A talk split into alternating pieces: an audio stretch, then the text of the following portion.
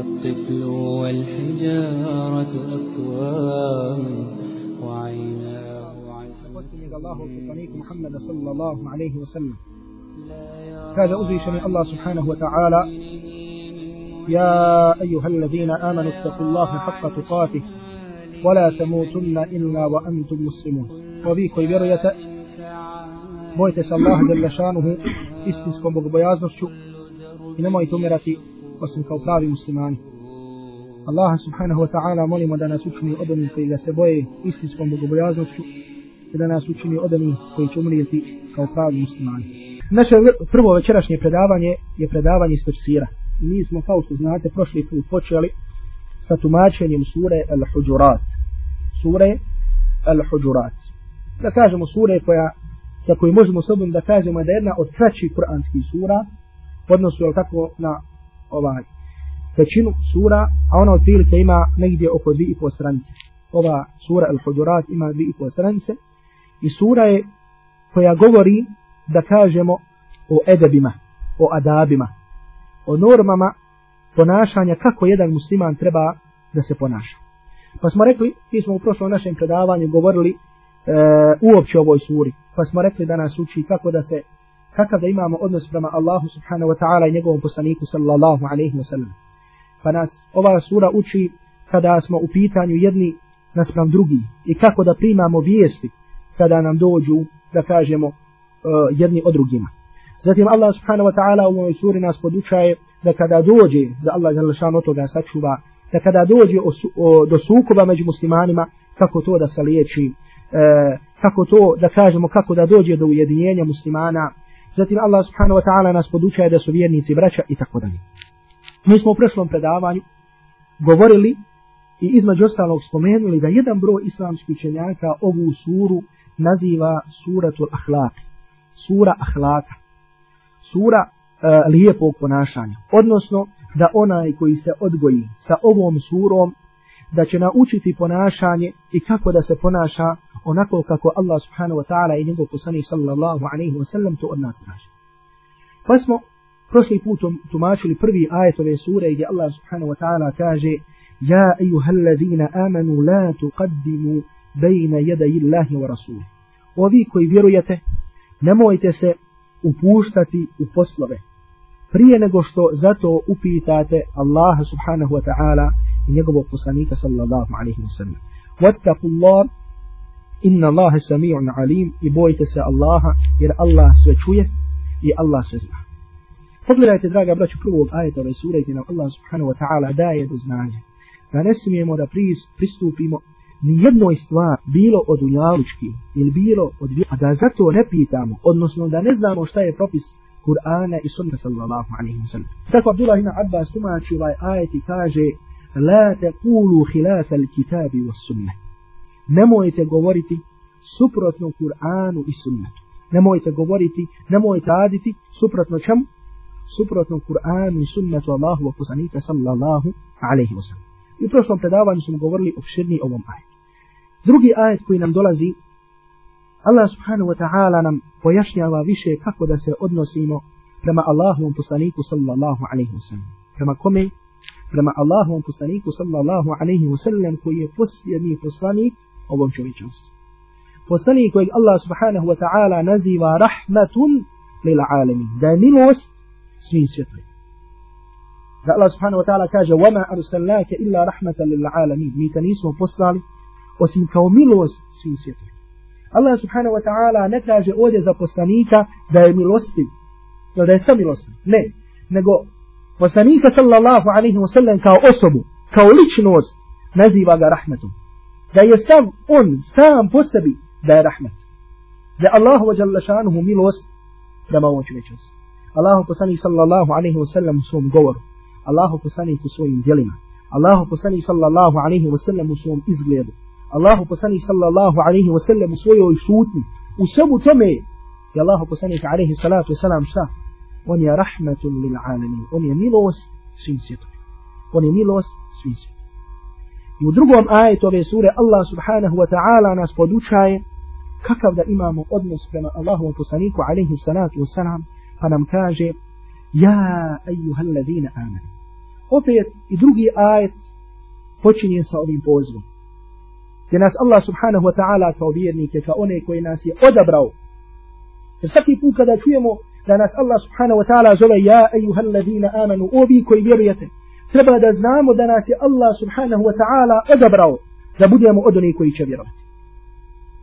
Ali nas u svemu tome Allah subhanahu wa ta'ala poziva kako da popravimo naš odnos prema njemu subhanahu wa ta'ala. Pa kaže ja ejuha allazina amanu, la tarfa'u aswatakum fawqa sawti nabi.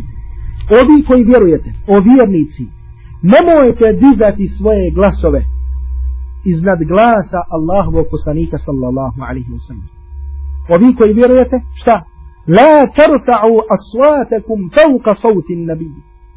Ovi koji vjerujete, nemojte podizati svoje glasove iznad glasa Allahovog poslanika alaihi salatu wa sallam.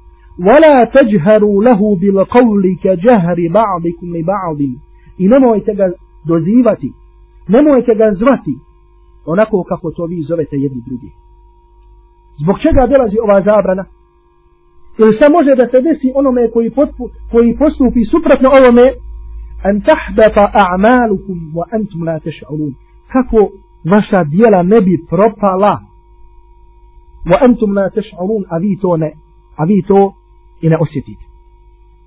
Znači ne kaže Allah subhanahu wa ta'ala da kao ishod ovoga može biti šta? Da budemo griješnici, da zaslužimo grije, da zaslužimo ne, nego Allah subhanahu wa ta'ala kaže an tahbata a'malukum, da sva vaša dijela koje ste prijatno učinili od dobrih dijela mogu da propadnu. Radi čega? Ako dignete svoj glas, znači ovo se odnosilo prije svega na muslimane i na ashabe koji su živjeli sa Allahom i poslanikom alaihi salatu wasalam. Koji su šta? Koji su živjeli sa Allahom i poslanikom sallallahu alaihi wasallam. Ovo se, ovaj, ovo je upućeno ashabima Allahovog poslanika alaihi salatu sa. I kaže im se, ovi koji vjerujete, nemojte dizati. Ovdje se misli, ovo je u pravom smislu te riječi. To jeste kada razgovarate sa Allahom i poslanikom alaihi salatu wasalam, šta? Pod broj jedan, nemojte da vaš glas ono što izlazi iz vaša tonacija bude veća i jača od glasa Allahovog poslanika alaihi salatu wasalam. A drugo je da ga ne zovete, da mu ne kažete o Muhammed, o Ebu, nego da mu kažete ja Rasul Allah, ja Nabi Allah. Povod objave ovih ajeta je kao što nam je zabilježio Imam Buhari u svom sahihu od Ibn Abi Mulejke koji kaže kada la an jehlika kaže dvojica odabrani Allahovi stvorenja, kaže zamalo da nisu propali.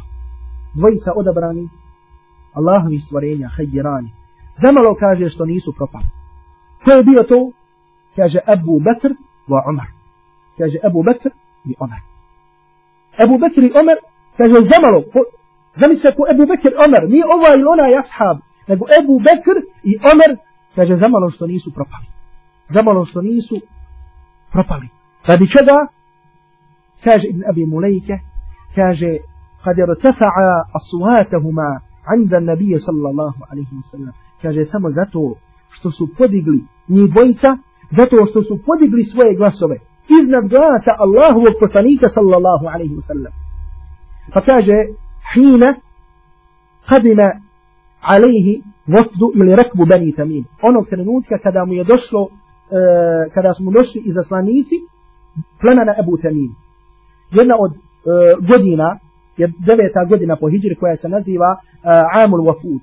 Godina kada su Allahu poslaniku sallallahu alaihi wasallam dolazili izaslanici iz plemena. Pa između ostalog oni koji su došli, bili su izaslanici zaslanici plemena Benu Tamim.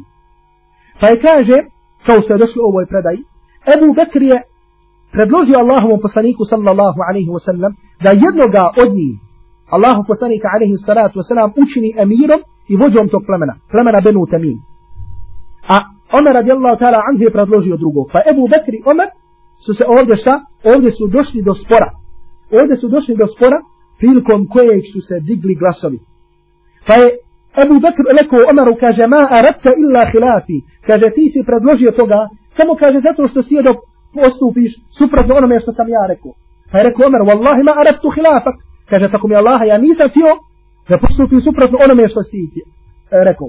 Kaže, farteta'a aswatahuma, pa su, kaže, u toj svojoj u to svom sporu, kaže, podigli su glasove.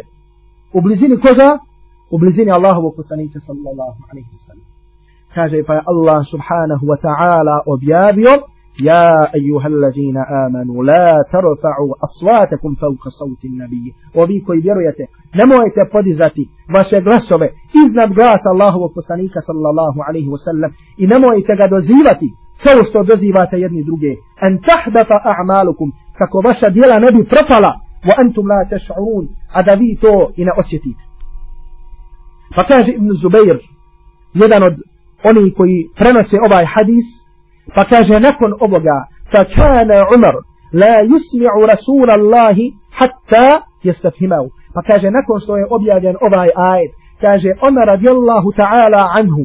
Pogledajte subhanallah razumijevanje ajeta i odgoja sa Allahom subhanahu wa ta'ala knjigom i života u okrilju Kur'ana kod ashaba Allahovog poslanika alaihi salatu kaže fa kana Umar la yusmi'u rasul Allahi hatta yastafhimahu pa kaže, kaže nakon ovoga Umar radijallahu ta'ala anhu se nikada nije obratio Allahovom poslaniku sallallahu alaihi wa sallam a da mu poslanika alaihi salatu wa sallam nije rekao što si rekao. To ste tako tihim i blagim glasom da Allah poslanik sallallahu alaihi wa sallam mora da kaže šta si rekao nakon čega nakon objave ovih ajeta i Allah subhanahu wa ta'ala kaže ولا تجهروا له بالقول كجهر بعضكم لبعض i kaže nemojte ga dozivati kao što dozivate jedni drugi. To jeste nemojte se prema njemu. Ovo je, draga braću, u bukvalnom značenju. Bilo im je zabranjeno, znači šta da svoj glas, to naći svog glasa, da dignu iznad Allahovog poslanika alaihi salatu wasalam. Pa šta mislite kako je s onima koji postupaju suprotno njegovom sunnetu, koji se ohole nad njegovim sunnetom i tako dalje. Da li postoji bojaznost za njihova djela da će je propasti? Sigurno da je preče da će djela takvih propasti nego djela oni da kažemo koji samo u svom govoru podignu glas iznad Allahovog poslanika sallallahu alaihi wa sallam. Imam Bukhari također u svom sahihu navodi jednu drugu predaju koja je vezana za Thabita ibn Qajsa koja je vezana za ashaba Allahovog poslanika sallallahu alaihi wa sallam koji se zove Thabit ibn Qajs. Sabit ibn Qais. Gdje se također kaže da su ovi ajeti također objavljeni povodom njega. Međutim, nema zapreke u tefsiru da kažemo za neki ajet da je objavljen povodom ovoga i povodom ovoga. Povodom dvije različite osobe ili povodom dva različita događaja. Zbog čega? Zato što ajet nekada može da bude objavljen radi jednog od tih događaja, međutim da se drugi događaj također odnosi ili da ulazi pod okrilje, odnosno pod značenje tog ajeta, kao što ćemo vidjeti iz ovog primjera.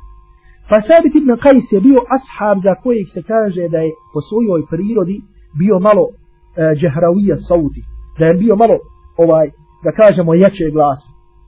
Kaže se da je bio malo i prigluh, pa kada bi govorio, kada bi se obraćao Allahovom poslaniku sallallahu alaihi wa sallam, imao bi potrebu da malo, jer kao što nam je poznato ljudi koji slabije čuju, da malo se deru, ili da malo podignu svoj glas kada pričaju.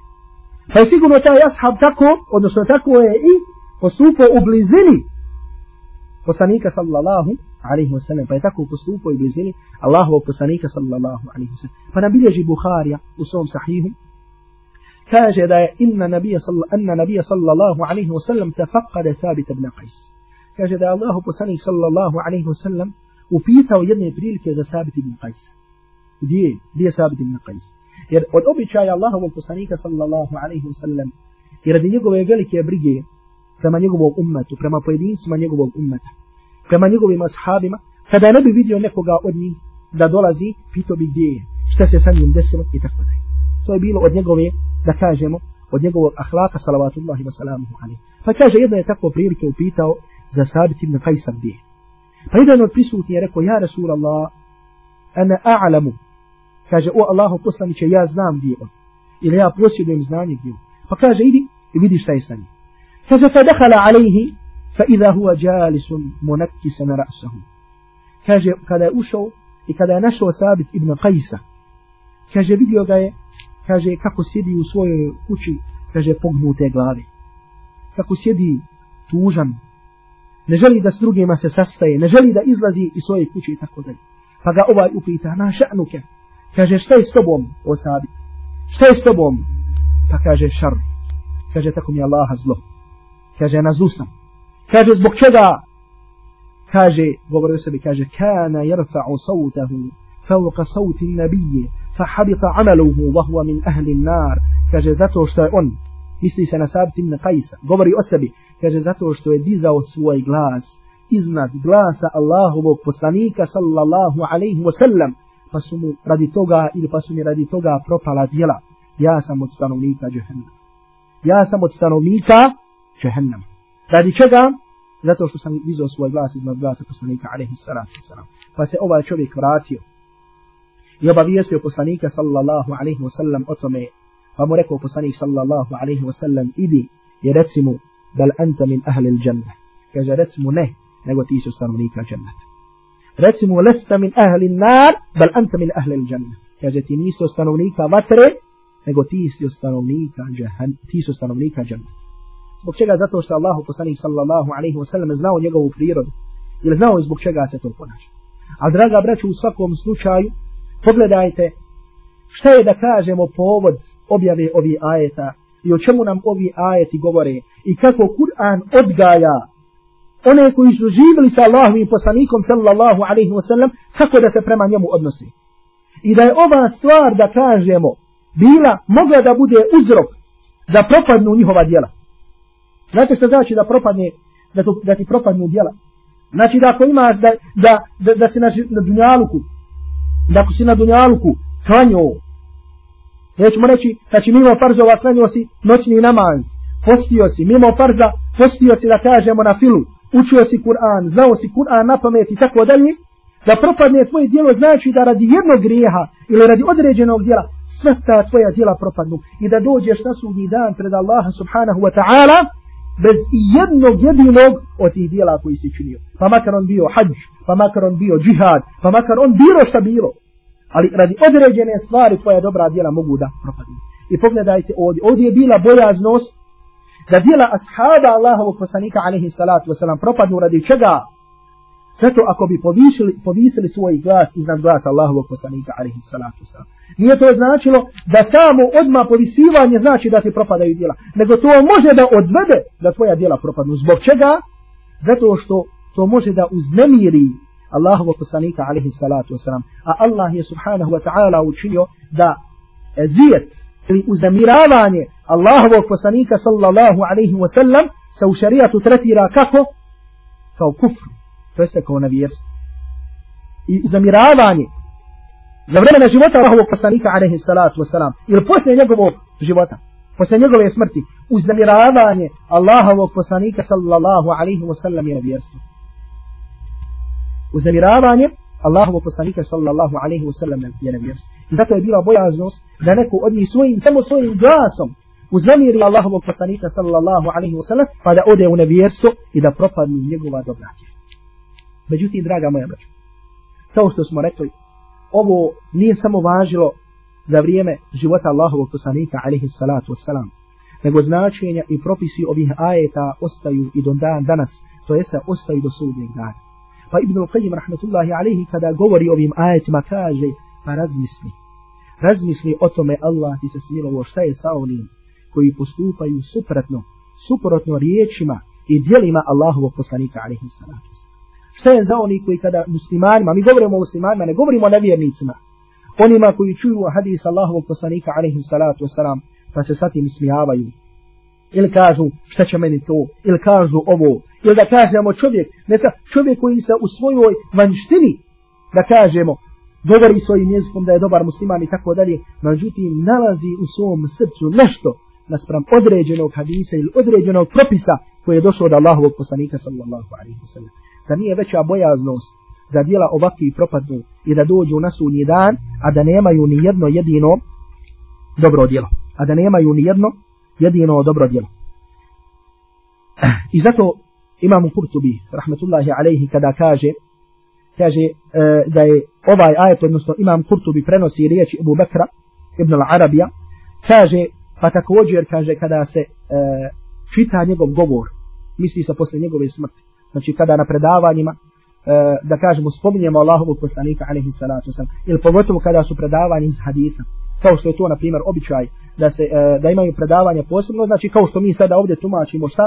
Tumačimo Kur'an isto tako predavanja su gdje se tumači samo riječi odnosno samo hadis poslanika alejhi salatu vesselam pa se uzme knjiga ili Buharija ili Muslim ili neka od e, neka od knjiga koja u kojoj se su skupljeni hadisa Allahovog poslanika alejhi salatu vesselam pa se ona čita i ona se komentariše. Ona se čita i ona se komentariše. Pa kaže, ovaj učenja kaže da isto tako, da kada se čitaju hadise Allahovog poslanika sallallahu alaihi wa sallam, da isto tako čovjek mora da ima ovakav odnos, odnosno da ne diže svoj glas iznad toga, odnosno da ima edab, da ima normu ponašanja, kako da se ponaša, kako da sjedi, kako da sluša, šta da radi kada sluša hadisa Allahovog poslanika sallallahu alaihi wa. Jer draga braćo, hadise Allahovog poslanika alaihi salatu wasalam su također objava od Allaha subhanahu wa ta'ala. I poslušajte samo kada Allahov poslanik alaihi salatu wasalam kaže, kada mu je došao čovjek da piše njegove hadise, pa mu kaže poslanik sallallahu alaihi wasallam, uktub fa wallati nafsi bijedihi la jahruđu minhu illa l'haq. Kaže piši. Kaže piši jer tako mi onoga u čijoj je ruci moja duša iz njih, to jest iz ovih usta, na izlazio se istina.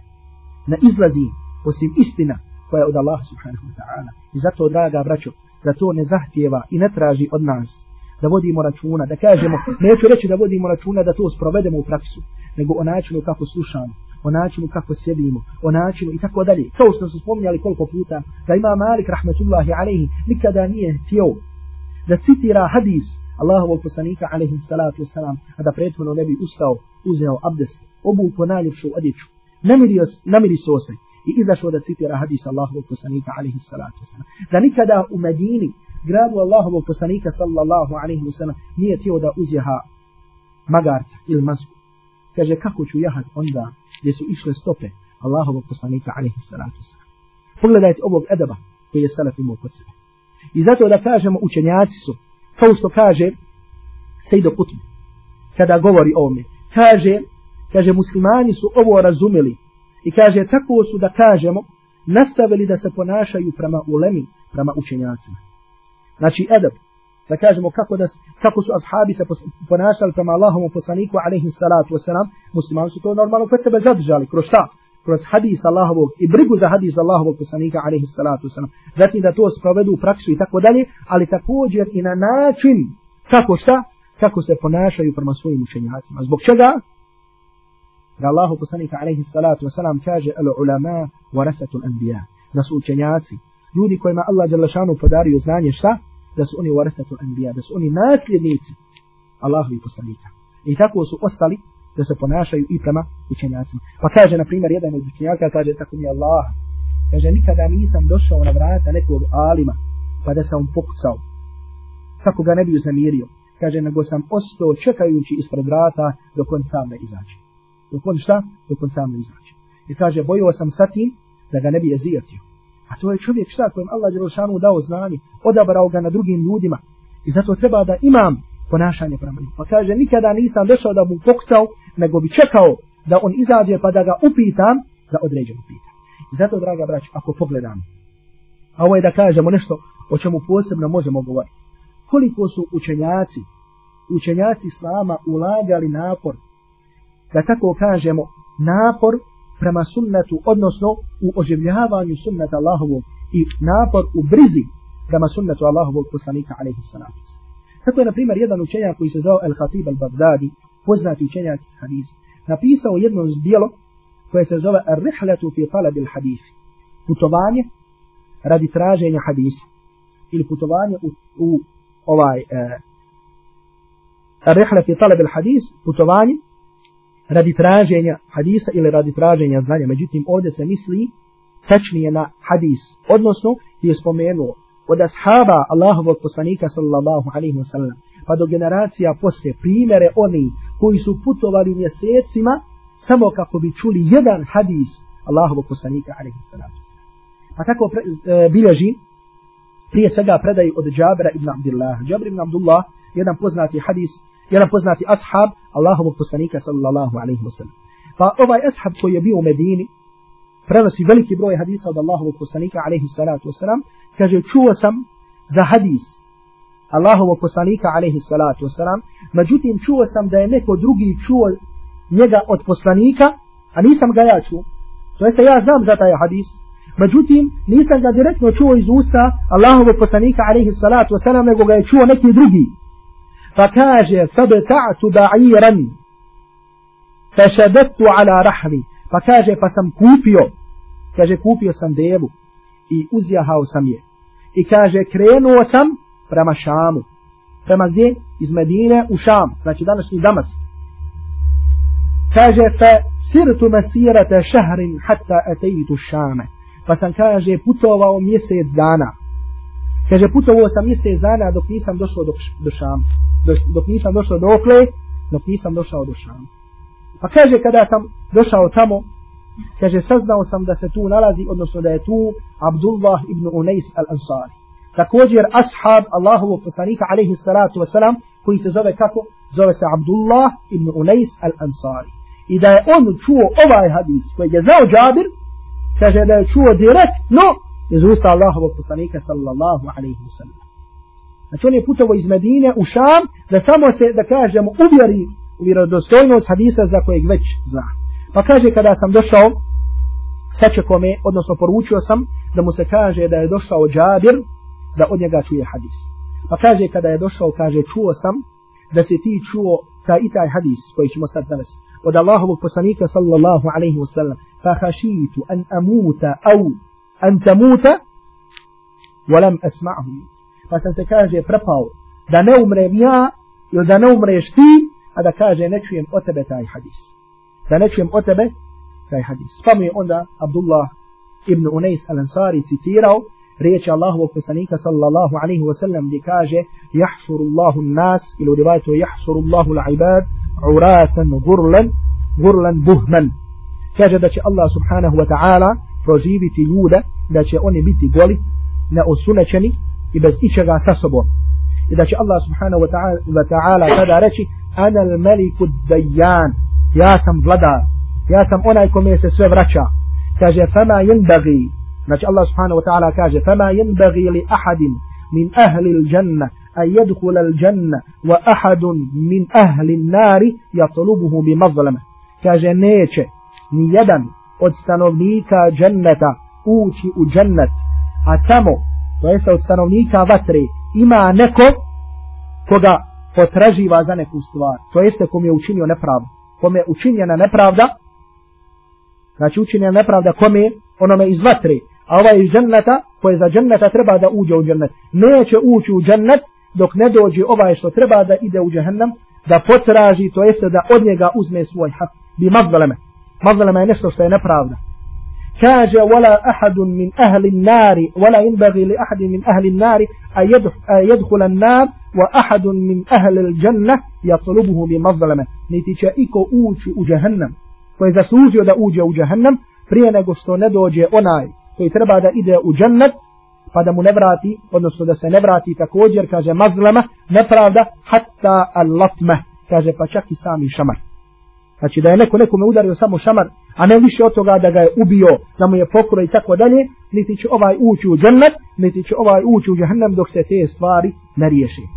Dok se te stvari šta? Ne riješi. Ovdje vidimo, draga braćo, šta? Znači kolika je, da kažemo, važnost, odnosno kolika je, e, da kažemo, koliki je problem, jer koliko je velika stvar da učiniš na pravdu prema nekome. Ali u svakom slučaju ovdje su hadisu, kaže ovaj hadis zabiljež imam Ahmed u svom musnadu, hakim u svom mustadraku, spomenuo ga imam Buhari u svom sahimu i tako dalje. Uglavnom ovdje vidimo kako je Džabir ibn Abdullah putovao mjesec dana, kako bi šta? Kako bi čuo samo jedan hadis Allahovog poslanika alaihi salatu wasalam. Abu Ayyub al-Ansari, također drugi ashab Allahovog poslanika alaihi salatu wasalam, je putovao iz Medine do Misra, do Egipta, također kako bi čuo samo jedan hadis Allahovog poslanika sallallahu alaihi wasallam. Pa se tako prenosi da jedan učenjak Amr ibn Abi Salama da je kaže došao da uči kod imama Euzaija, a imam Euzaji je bio poznati alim, znači da kažemo na nivou ili na rangu imama Ebu Hanife i Šafije i Malika i Ahmeda, osim što su ovi imali učenike koji su proširili njihov meze, međutim imam Euzaje nije imao toliko svojih učenika.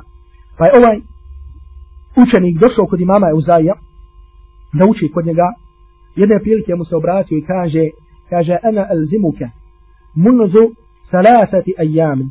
Kaže, ja sam kod tebe tri dana. Walam asma minka gajra salasina hadisa. Kaže, ja sam kod tebe arbaina hadisa. Kaže, ja se družim s tobom tri dana, a od tebe sam, kaže, čuo samo 40 hadisa. To se hoće da kaže kako je malo. Znači kako u tom vremenu malo čuo od njega hadisa. A prije bilo kako? Znači, na primjer, da dođeš kod učenjaka, dođeš kod imama, kao što ovaj došao kod imama Evzaija, i da imam Evzaij kaže, pričao mi je ta i taj, njemu ta i taj, njemu ta i taj, sve znači sa senadom, do Allahovog poslanika, alaihi salatu wasalam, da Allahov poslanika, alaihi salatu wasalam, rekao to ili to. A ovaj onda šta? Ovaj bilježi. Ovaj šta? Bilježi to ili pamti to odma. Ili da kažemo i bilježi i pamti. Imali smo također jedan primjer ovoga, spominjali smo jedne prilike na predavanju, primjer jednog učenjaka iz Andalusa, iz Španije. Sjeća li si kako se zove?